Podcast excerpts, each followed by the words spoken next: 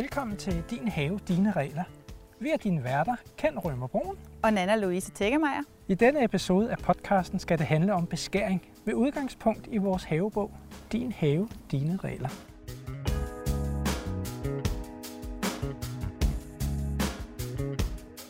Ja, der er rigtig mange dogmer om, hvornår og hvordan og hvor meget der skal klippes og saves i havens træer og buske. Men beskæring er faktisk hverken svært eller indviklet, og det er heller ikke altid nødvendigt. Det er nemlig rigtigt. Velkommen til podcasten.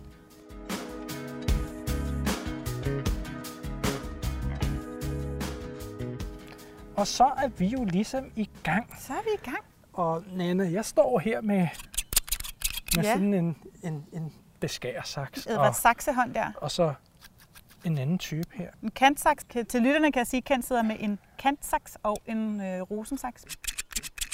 Beskæring er jo et rigtig stort emne, og noget, man tit bliver spurgt om, og noget, som jeg ved, folk tit bekymrer sig lidt om. Jeg bekymrer så meget om, Ja, ikke? jo. Fordi i sin tid på redaktionen, der fik vi godt nok mange spørgsmål.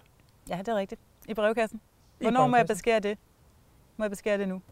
Ja, sker der noget, hvis jeg gør det? ja. Jeg har glemt at beskære. Ja, Ikke? Det er rigtigt. Jeg har glemt at beskære. Hvad skal jeg gøre? Ja, bliv ved med at glemme det. Som udgangspunkt, så er der jo ikke nogen træer eller buske, som skal beskæres. I naturen, der vokser de jo bare, som, som de jo gør. Så hvorfor beskærer vi egentlig vores træer i haven, Nana? Jamen, når vi beskærer træer og buske i haven, så er det jo ikke for deres, men for vores skyld. Og det kan jo have forskellige årsager. Det kan enten være helt praktisk på grund af størrelsen. De bliver for store. Vi bliver nødt til at klippe dem ned for at få lidt lys og luft ind. Det kan også være på grund af, at man vil fremme nogle bestemte ting som blomstring, eller man vil fremme en bestemt vækstform på en busk, eller det kan være for at øh, stimulere frugtsætning på træer, eller sørge for, at solen for eksempel kan nå frem til frugterne. Og det er alt sammen noget, vi gør for vores skyld. Og enhver beskæring er jo et, et indgreb i træet. Ja, det er det jo. Altså, hvor vi virkelig gør noget for at få egen vinding. Ja, derfor skal vi være søde ved træerne, når vi beskærer dem. Nej, det ved jeg ikke, om man kan sige, men, men i hvert fald gøre det nænsomt, vil jeg sige. Vi har talt lidt om det her før, at jeg synes nogle gange, folk overbeskærer lidt. Fordi man har en idé om, at man skal beskære. Og jeg tror tit, man kommer til det, fordi så er man så godt i gang, og så bliver man bare ved. Men det er faktisk øh, kontraproduktivt at beskære alt for hårdt, fordi så sætter du ekstra gang i væksten. Ja. Øhm, det kan du så bruge som et trick til, hvis du gerne vil have gang i væksten. Så kan du skære det hårdt ned, og så giver det et boost. Men, men hvis du ligesom gerne vil begrænse et træ i sin størrelse, så kan du godt skyde dig lidt i foden ved at give det en stor, hård beskæring. Der er det bedre, som du siger, at tage lidt af gangen over en lidt længere periode. Øh, så man ikke får den der meget kraftige genvækst, som man så skal klippe ned og holde nede. Ja. Det er jo ikke en dyd at beskære, nødvendigvis. Et stort træ, det må gerne være stort, hvis der er plads til det. Ja. Man kan så sige, hvis man er så heldig at flytte ind i en, i en, i en gammel hus med en gammel have, øh, og der er gamle frugttræer og sådan noget, de kan jo godt have taget magten lidt fra den tidligere ejer og groet godt i vejret. Og så fylder det måske lige pludselig for meget. Og der skal man lige være lidt varsom, fordi du kan godt klippe et gammelt, velvoksen, over, overgroet frugttræ ned. Men du skal tage det i små etapper år for år. Ja. Så i løbet af en 3-4-5 år, så har du måske det nede igen, hvor du kan nå frugten. Og det er jo det, der er formålet. I hvert fald med frugttræerne i min have. Mm. Og det samme gælder jo egentlig øh, de her småbuske. Hvis vi kigger på de her øh, sommerfuglebuske, vi har stående herhenne, jamen man siger også, at hvis de er blevet for store, så skal de bare ned. Men vi har jo begge to oplevet, at man også skal klippe dem for langt ned, at de lige pludselig øh, opgiver ævret og, og går ud. Og det er jo ikke særlig sjovt. Jeg havde selv en busk herhen, det er også en sommerfuglbusk med sådan nogle 40 cm lange øh, blomsterklaser. Jeg var meget glad for det, men den var bare blevet alt for stor. Så klippede jeg den ned til sokkerholderne, altså 10 cm over jorden til. Den skulle dale med have, fordi så måtte den overleve eller ej. Og så troede jeg jo, at den var død. Og så blev jeg faktisk lidt ærgerlig og, og, og ked af det, jeg var jo glad for den her type. Øh, og det der skete, det var, at der, kom to forkølede skud på den, og de blev ikke rigtig til noget. Så tænkte jeg, det, det går jo ikke. Men så er der gået et år og et år, og nu er den oppe og har blomstret for første gang i tre år, efter altså, jeg fik klippet den ned. Så den, den overlevede, så man skal være lidt forsigtig. Ja. De fleste buske kan beskæres, når det passer dig. Men nogle blomstrer sig altså bedst, hvis du beskærer dem på bestemte tidspunkter. Og vi har en oversigt af disse buske i vores bog. Din have, dine regler. Nana, nu øh, går vi jo lidt rundt her i haven, jeg har jo mange frugttræer, mange gamle frugttræer. Vi står under et par af æbletræerne her. Og det der med, at man står under, men kan kigge på frugten og nå frugten, det er jo et resultat af min beskæring. Ja. Øh, men det vi skal snakke om her, det er jo også, når man har foretaget beskæring, så har vi jo de her øh, vandskud eller vandris. Ja. Ken har meget travlt med at klippe løs i træet, øh, fordi det han klipper af, nu Ken, som I ikke rigtig kan se, det er de såkaldte vandris og vandskud. Det er sådan nogle lange, lige skud, der strider op lige op i luften, eller sådan lidt skråt ud til siden. Ja, og, den og, en, og en hård beskæring kan man jo se, at det er jo lidt tykkere gren, der ja. er blevet fjernet derfra, hvor de andre skud så vælter ud fra. Ja. Og det er jo det, der er vandris. Det er jo træets måde at reparere sig selv på, fordi at vandrisene kommer ud der, hvor der har været en gren før, det er jo fordi, der ligger nogle øh, anlæg til skud, netop for, hvis der kommer et eller andet og spiser træet eller et eller andet, at så kan det reparere sig selv. Så har det nogle anlæg til nye skud klar til at, at skyde ud. Grunden til, at man kalder det vandris, har vi, vi har lavet lidt uh, sprogforskning. Det har vi. Og øh, det, det er ikke noget at gøre med, som man nogle gange hører, at noget er vandskabt, selvom de ser måske lidt vandskabte ud. Det er faktisk vandris med D, og det er fordi man i gamle dage mente, at vandris kom, når der var en ubalance af vandindholdet, altså i træets øh, øh krone og bladmasse og i træets rod. Og det er ikke helt rigtigt, men det er heller ikke helt forkert. Fordi i øh, rodspidserne på træet og i bladspidserne, skudspidserne, der er der noget øh, væksthormon, som skal være i nogenlunde i balance. Så træets rod ved ligesom godt, hvor stort det, der er ovenover jorden, det er. Og hvis du så skærer noget af, jamen så vil der stå, være en ubalance i det forhold imellem, hvor stor er roden, hvor stor er toppen, og så tænker jeg træet dødt, dødt, dødt, så må jeg ligesom lave noget mere bladmasse. Det kan så være i form af de der skud, den så sender ud. Og det er også derfor, man siger, at der kommer flere vandskud, når man beskærer træet om vinteren, mens det er i hvile, end når du beskærer løbende i løbet af sommeren. Nu kan vi ikke vise det her i, i den her podcast, men, men jeg kan da vise dig det, Nana, ja. så kan vi prøve at forklare, fordi den her gren, Ja. Det er sådan en gren på en 6-7 cm tykkelse. Mm. Den blev fjernet i vinter. Og der kan man jo se, at en krans hele vejen rundt om, og også lidt ned af stammen, der skyder de her, hvad er de nu, en halv meter, 40 cm, 50 cm lange, øh, tynde skud. Og det er jo netop fordi, at, der, at den synes, at der skal altså ske noget nu. Ja. Jeg har mistet noget. Der er selvfølgelig, hvis du havde fjernet så stor en gren nu om sommeren, så ville der stadigvæk komme nogen. Men, men pointen er, at når træet har blade på, mens du beskærer det, så kan det nemt udligne, så kan det sætte et blad hist og pist, og så kan det udligne det, det mangler.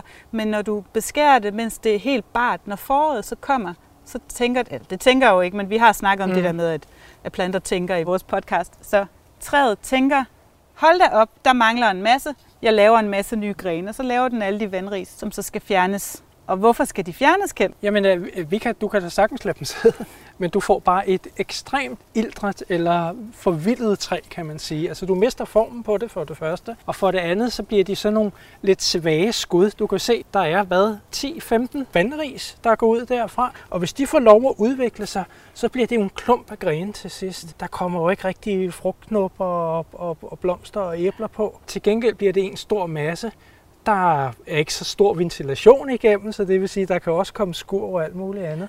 Så det er faktisk en rigtig dårlig idé ikke at fjerne dem. Du, øh, du, du nævnte det her med forskellen på, om det var øh, skåret om vinteren, som den her, ja. vi lige kigger på, eller om sommeren. Så ja. sidste år fjernede jeg denne her om sommeren, ja. og nu kigger vi så på en anden gren, der har nogenlunde samme tykkelse, ja. de der 5-6 cm. Ja og der er nul der er vandris rundt om. Der der er siddet et enkelt et der, men den er, den er væk, så det, det er jo faktisk ret tydeligt her. Ja, det har jo klassisk været sådan, at man beskar frugttræerne, i hvert fald æbletræer og pæretræer, om vinteren. Og hvorfor har man så gjort det, hvis ikke det er det bedste? Jamen, det har man jo gjort, fordi det havde, da man havde tid. Der sker ja. jo ikke noget ved Nej. det. Du kan jo gøre det der. Og, og det er mere praktisk. Og det er mere praktisk, fordi du kan der se... Der er ikke blade på træerne, ja. vel? Så du kan se det, det er nemmere at komme til. Ja. Men kend, når der nu bliver vandris og alt muligt andet, og beskærer træet, hvorfor har du så overhovedet gjort det? Hvad er egentlig pointen? Det du egentlig ser her, det er jo gamle frugttræer, og da vi flyttede ind, ragede de jo højt op. Altså, jeg tror, vi har begrænset højden med 5-6 meter eller sådan noget lignende på de her træer. Men det har vi jo gjort hen over nogle år. Hvis jeg bare havde lavet det træ være, så skulle jeg jo have en stige for at plukke frugten. Nu har jeg fået meget mere luft imellem grenene herinde i, i, i trækronen. Du kan se, solen går ned igennem. Jeg står her i øjenhøjde nu og kan plukke mine æbler. Og nu har jeg lyst til at smage på det her, for det er jo faktisk et sommeræble, selvom det er grønt. Mm-hmm. Det, at du så har fået dine æbler ned i plukkehøjde, det er et resultat af din beskæring, fordi du har taget toppen og bevaret de grene, som så går mere vandret ud og nedad, ikke? Jo, for tung, øh, tyngden fra frugten gør, at, øh, at, at, at grenene simpelthen ligesom buer nedad. Og det, og det er jo det, der gør, at jeg nu kan kigge på frugten og, mm. og, og ikke behøver en stige for at nå noget som helst af det her. Her i podcasten, der kan vi jo ikke rigtig vise billeder, men øh, i vores bog, Din have, dine regler, der kan du se illustrationer af, hvordan du for eksempel beskærer større grene på træer og fjerner vandris og andre beskæringsopgaver. Nå, men Anna, en ting er jo frugttræer. Øh, en anden ting er jo de blomstrende buske og andre buske, vi har i haven.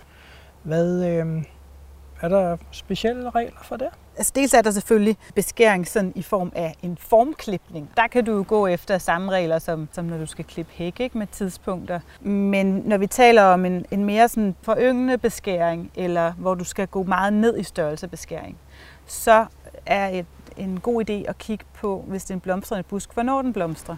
Og også om den blomstrer på de skud, der er kommet samme år, eller om den blomstrer på de skud, der er kommet året før. Fordi hvis du har en busk, der blomstrer på de grene, der er kommet året før, og du så klipper den ned lige inden den blomstrer, så vil du ikke aldrig få en blomstring. Ikke, så får du ikke glæde af de blomster Nej, så for eksempel, øh, hvad kan vi tage, øh, dronningebusk, den blomstrer i højsommeren, vil jeg mm. sige, ikke? Er det ikke sådan noget juni? Jo, jo, jo, jo, absolut. Hvis du så tænker, nu er det forår, nu skal jeg bare gå til den, der skal bare beskæres, og du så klipper den ned, så vil du få en masse vækst, og den vil jo kunne nå at sætte nye skud, så der vil komme en masse grønne skud, der vil bare ikke komme nogen blomster. Hvis du så gør det hvert år, så vil du i princippet aldrig få blomster Nej. på den. Der kan være en idé i at gøre det, hvis du har en gammel busk, som ligesom har mistet lidt sin livskraft. Så kan du eller, godt... Eller er blevet for stor. Eller er blevet stor. Ja. Man kan godt gå ind i det med åbne øjne og sige, at jeg offrer det her års blomstring, fordi nu skal der ske noget drastisk. Ellers så er det bedste tidspunkt at beskære for det meste lige efter blomstring. Og det giver rigtig god mening også at samtidig forynge den lidt. Altså måske tage en tredjedel af de ældste grene væk, hvis det er en stor busk, eller måske halvdelen. Det er jo et, som du selv siger, drastisk indhug, at man laver på, på sådan nogle beskæringer, og derfor kan de jo komme til at se lidt pussy ud.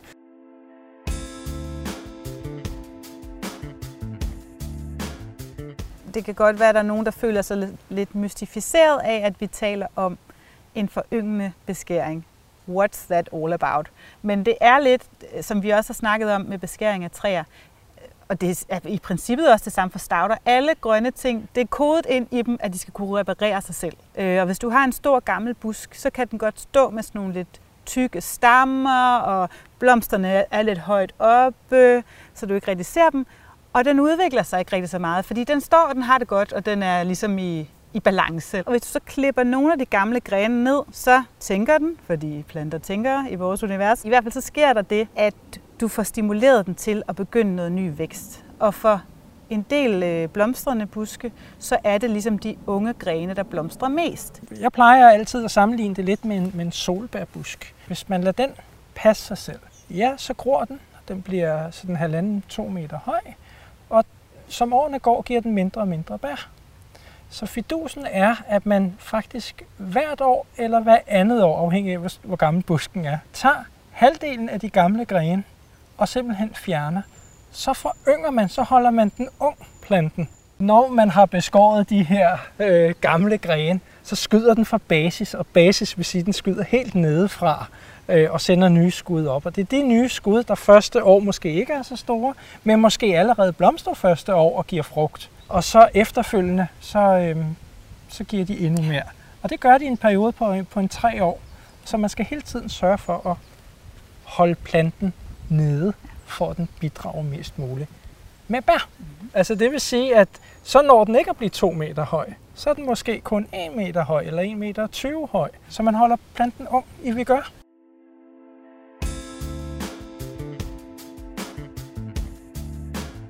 Der er også nogle øh, typer buske, hvor der jo er lidt tradition for at klippe dem ned, i hvert fald øh, måske en gang om året. Øh, det er jo blandt andet sommerfuglebusken, hvor der er mange, der, der klipper dem helt tilbage. Ja. Det er jo fordi, at sommerfuglebusken, de nye skud, de ligesom står op i sådan en form for vandfald, eller En det får sådan en ja, vifteform. Fontæne, ja. Ja, som er flot ligesom at have bagerst i et bed. Og så øh, senere i dens liv, hvis den får lov at blive større, så bliver den en stor høj busk. Og det er der jo heller ikke noget galt med, hvis man har plads til det og, og lyst til det. Men, men den blomstrer øh, rigtig meget på de der nye årsskud og får også en fin form. Og så er der også det med, men der har vores klima jo også ændret sig og er blevet varmere. For tidligere, der var sommerfuglebusken jo en af de planter, som var lidt på sin grænse her, Mm. og faktisk øh, kunne få en del frostskader vinteren over. Så grenene simpelthen døde, og så klippede du den ned, fordi grenene var døde, men resten af planten var i live, og så kom der noget nyt op. Det tror jeg ikke rigtig er en problematik, som der er nogen, der oplever mere. Nej, det er det heller ikke. Øh, Og i England er den jo blevet øh, erklæret invasiv, øh, fordi den spreder sig overalt. Og det kan vi jo også se herhjemme. Altså i min have sår den sig her og der. Ja. Så det, det er ikke så fedt. Den er blevet lidt, lidt vanskelig.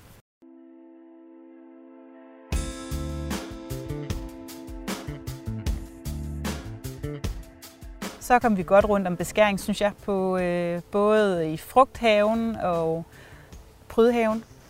Det gjorde vi. Det var endnu en episode af Din Have, Dine Regler. Tak fordi du ville bruge din tid sammen med os, og øh, forhåbentlig høres vi ved igen. Ja, vi ses. hej. hej.